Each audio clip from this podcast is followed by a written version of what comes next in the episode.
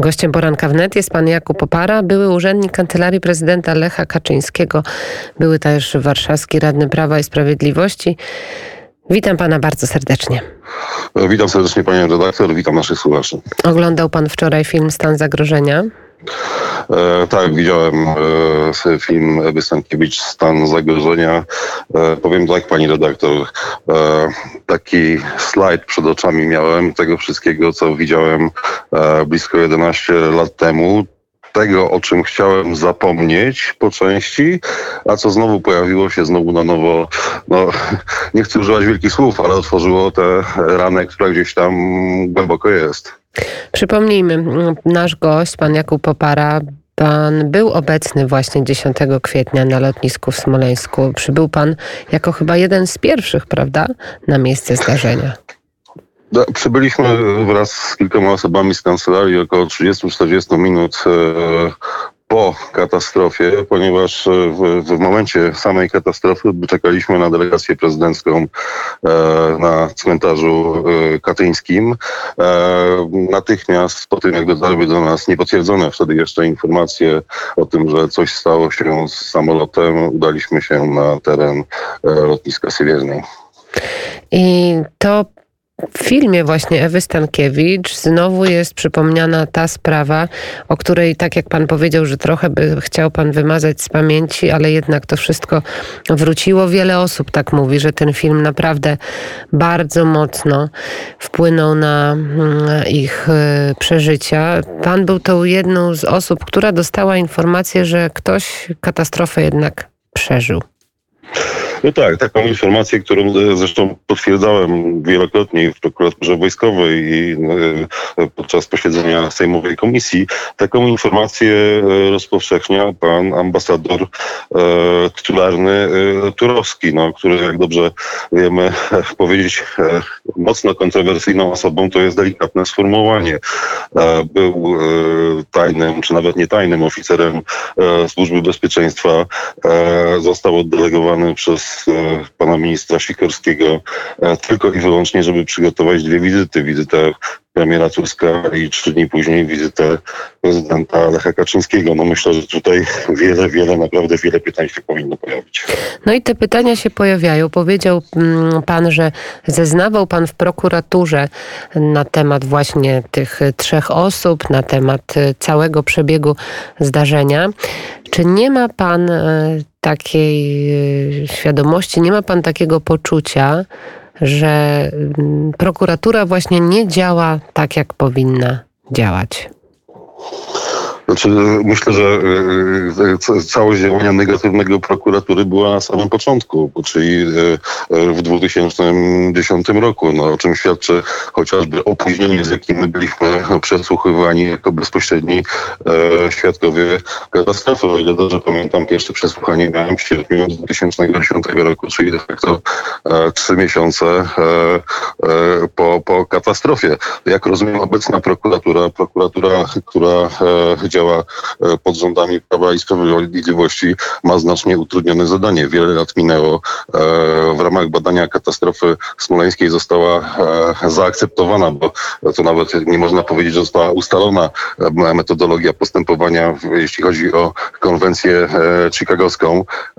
W związku z tym obecna prokuratura tak naprawdę ma związane ręce. Biorąc pod uwagę, co się dzieje w Rosji, biorąc pod uwagę neo, neoimperialną politykę Putina, to co Putin robi na Ukrainę. No ja będę bronił prokuratury, bo zakładam, że naprawdę ma związane ręce. Ja wczoraj rozmawiałam z jednym z prokuratorów właśnie, którzy zajmują się śledztwem smoleńskim i zgodził się ze mną, że polskie społeczeństwo i my jako obywatele de facto bardzo mało wiemy na ten temat, co robi prokuratura, w jakim kierunku zmierzają jej działania. To, o czym pan mówi o związanych rękach, to jest jedna sprawa, ale z drugiej strony nie słyszymy żadnych aktów oskarżenia, oprócz jednego, jednego skazania z powództwa cywilnego Tomasza Arabskiego. Tak, żadnej sprawy z urzędu. Nie niepokoi to pana?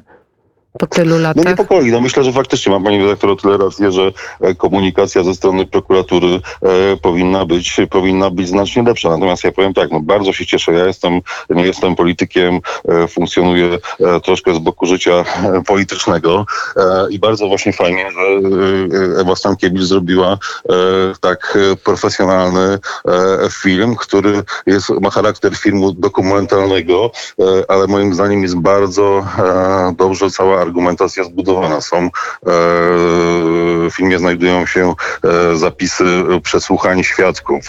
E, to naprawdę buduje, buduje pewnego rodzaju obraz, no i powinno też stawiać wiele, wiele pytań, na które możemy żądać od prokuratury odpowiedzi. No właśnie, i te pytania są, te pytania się pojawiają. Nie mamy międzynarodowej komisji, nie mamy międzynarodowego raportu. Wszystko zostało. Ja mam przynajmniej czasami takie odczucie, że ta sprawa smoleńska została jakby zepchnięta w ogóle na boczny tor. Nie ma pan takiego wrażenia momentami, że ona jest taka y, Mm. niepolityczna, że ona jest taka No właśnie, niemedialna. jeżeli coś jest nie, znaczy wydaje mi się, że akurat ta sprawa jest bardzo medialna, natomiast e, mówię, ja nie jestem, ani nie pracuję w prokuraturze, ani nie jestem e, czynnym politykiem, więc tak naprawdę trudno mi powiedzieć, co dzieje się w kuchni tego e, postępowania. E, no, wydaje mi się, że jednak e, komunikacja powinna ze strony prokuratury czy, czy osób odpowiedzialnych za prowadzenie tego śledztwa e, być e, poprawiona. I tak y, bardzo ważny fakt, o którym pan wspomniał, ta konwencja chicagowska, nie umowa z 1993 roku, to chyba jednak ten załącznik tej 13, mm, ten 13 załącznik właśnie tej konwencji chicagowskiej, to chyba to był ten element, który tak naprawdę najmocniej zblokował nam dochodzenie prawdy.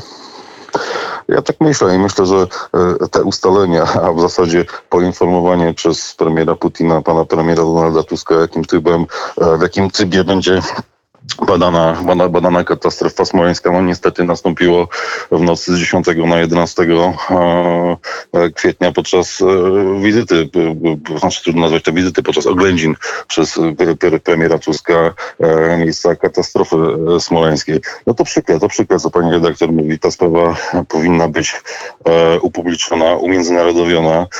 Tym bardziej, że jak widzieliśmy na filmie Ewy Stankiewicz, to nie jest tylko tak, że nad tą sprawą pracują eksperci Antoniego Macierewicza, tylko widać, że zaangażowane są poważne e, osoby z tytułami profesorskimi, doktorskimi, pracujące w wielkich globalnych e, korporacjach e, związanych z ruchem lotniczym, związanych z badaniami nad różnego rodzaju nowoczesnymi technologiami, więc no, mam nadzieję, że coś się ruszy.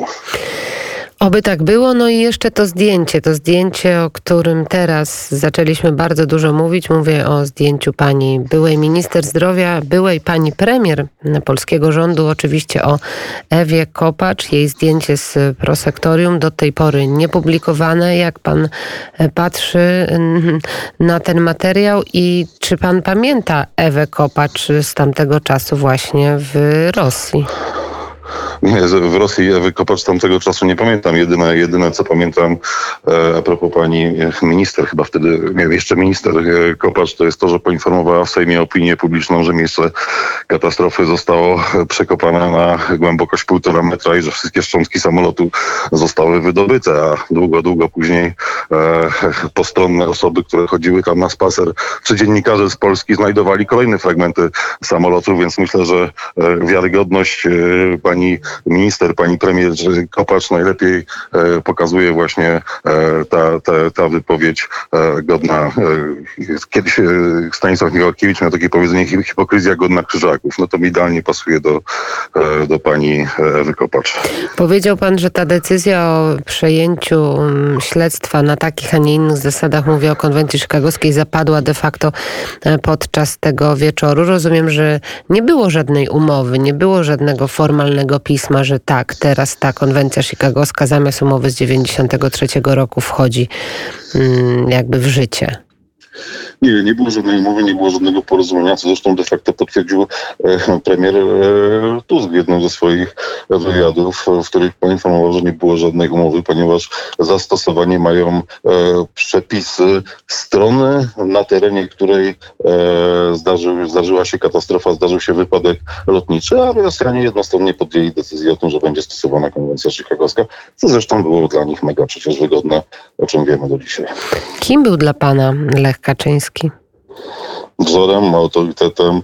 E, to była moja przygoda z administracją publiczną, e, z namiastką e, polityki. Myślę, że każdy, kto pracował w, w kancelarii prezydenta, z moich kolegów, koleżanek, e, był wpatrzony w, w prezydenta jako wielki autorytet. Był miłym, sympatycznym człowiekiem z dużym poczuciem humoru.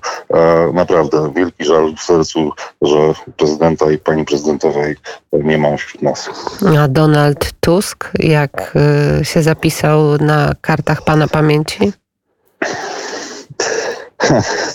Trudno powiedzieć, ja pana premiera Tuska nie znam natomiast osobiście, natomiast no, nie zaciekawie, no mówię, zapisał się przez pryzmat właśnie tego, jak spotkałem go, nie wiem, po raz drugi czy trzeci w życiu na lotnisku w Sywiernie. Widziałem tą całą ekipę z premierem, premierem Grasiem, naszym ministrem Grasiem, ministrem arabskim, którzy na pierwszym względzie mieli sprawy wizerunkowe, jak ustawić kamery, jak pokazać e, żal, rozpacz e, premiera Tuska, a nie tak naprawdę to, czym powinni się w tamtej e, chwili zająć, czyli e, konkretnymi ustaleniami na temat e, prowadzenia śledztwa w kontekście katastrofy. Jak pan sobie przypomina te emocje, które były na lotnisku, to co pan myśli, co pan ma w głowie?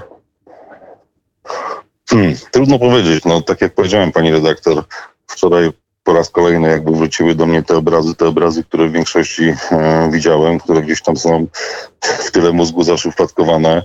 A Trudno powiedzieć, no, serce, serce, serce mocno upotało, a myśli były wzburzone niczym fal oceanu, można by powiedzieć poetycko. Natomiast no, no, to bardzo, bardzo ciężki okres w życiu, naprawdę. No, nawet nie, nie jestem sobie w stanie e, przypomnieć. Raczej człowiek myślał, co będzie, gdzie będzie, co zrobi, gdzie, gdzie, gdzie pobiec. To, to, to były takie myśli spontaniczne.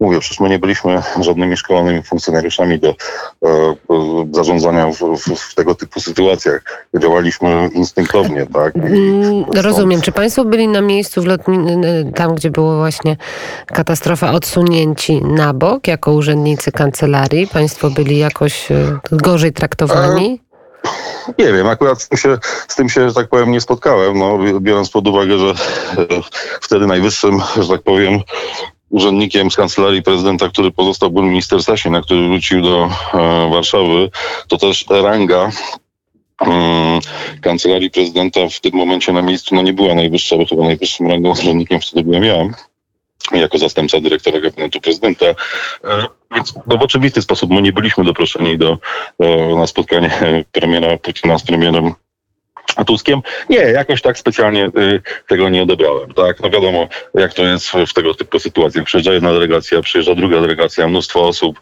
więc pewnego rodzaju chaos też, też, na, też na lotnisku y, panował, ale ja tego tak wtedy nie odebrałem. Bardzo dziękuję y, za rozmowę, za rozmowę pan Jakub Opara. Były urzędnik Kancelarii Prezydenta Lecha Kaczyńskiego. Bardzo dziękuję za rozmowę. 8.30 jest na naszych zegarach. Za kilka chwil przeniesiemy się już na wschód.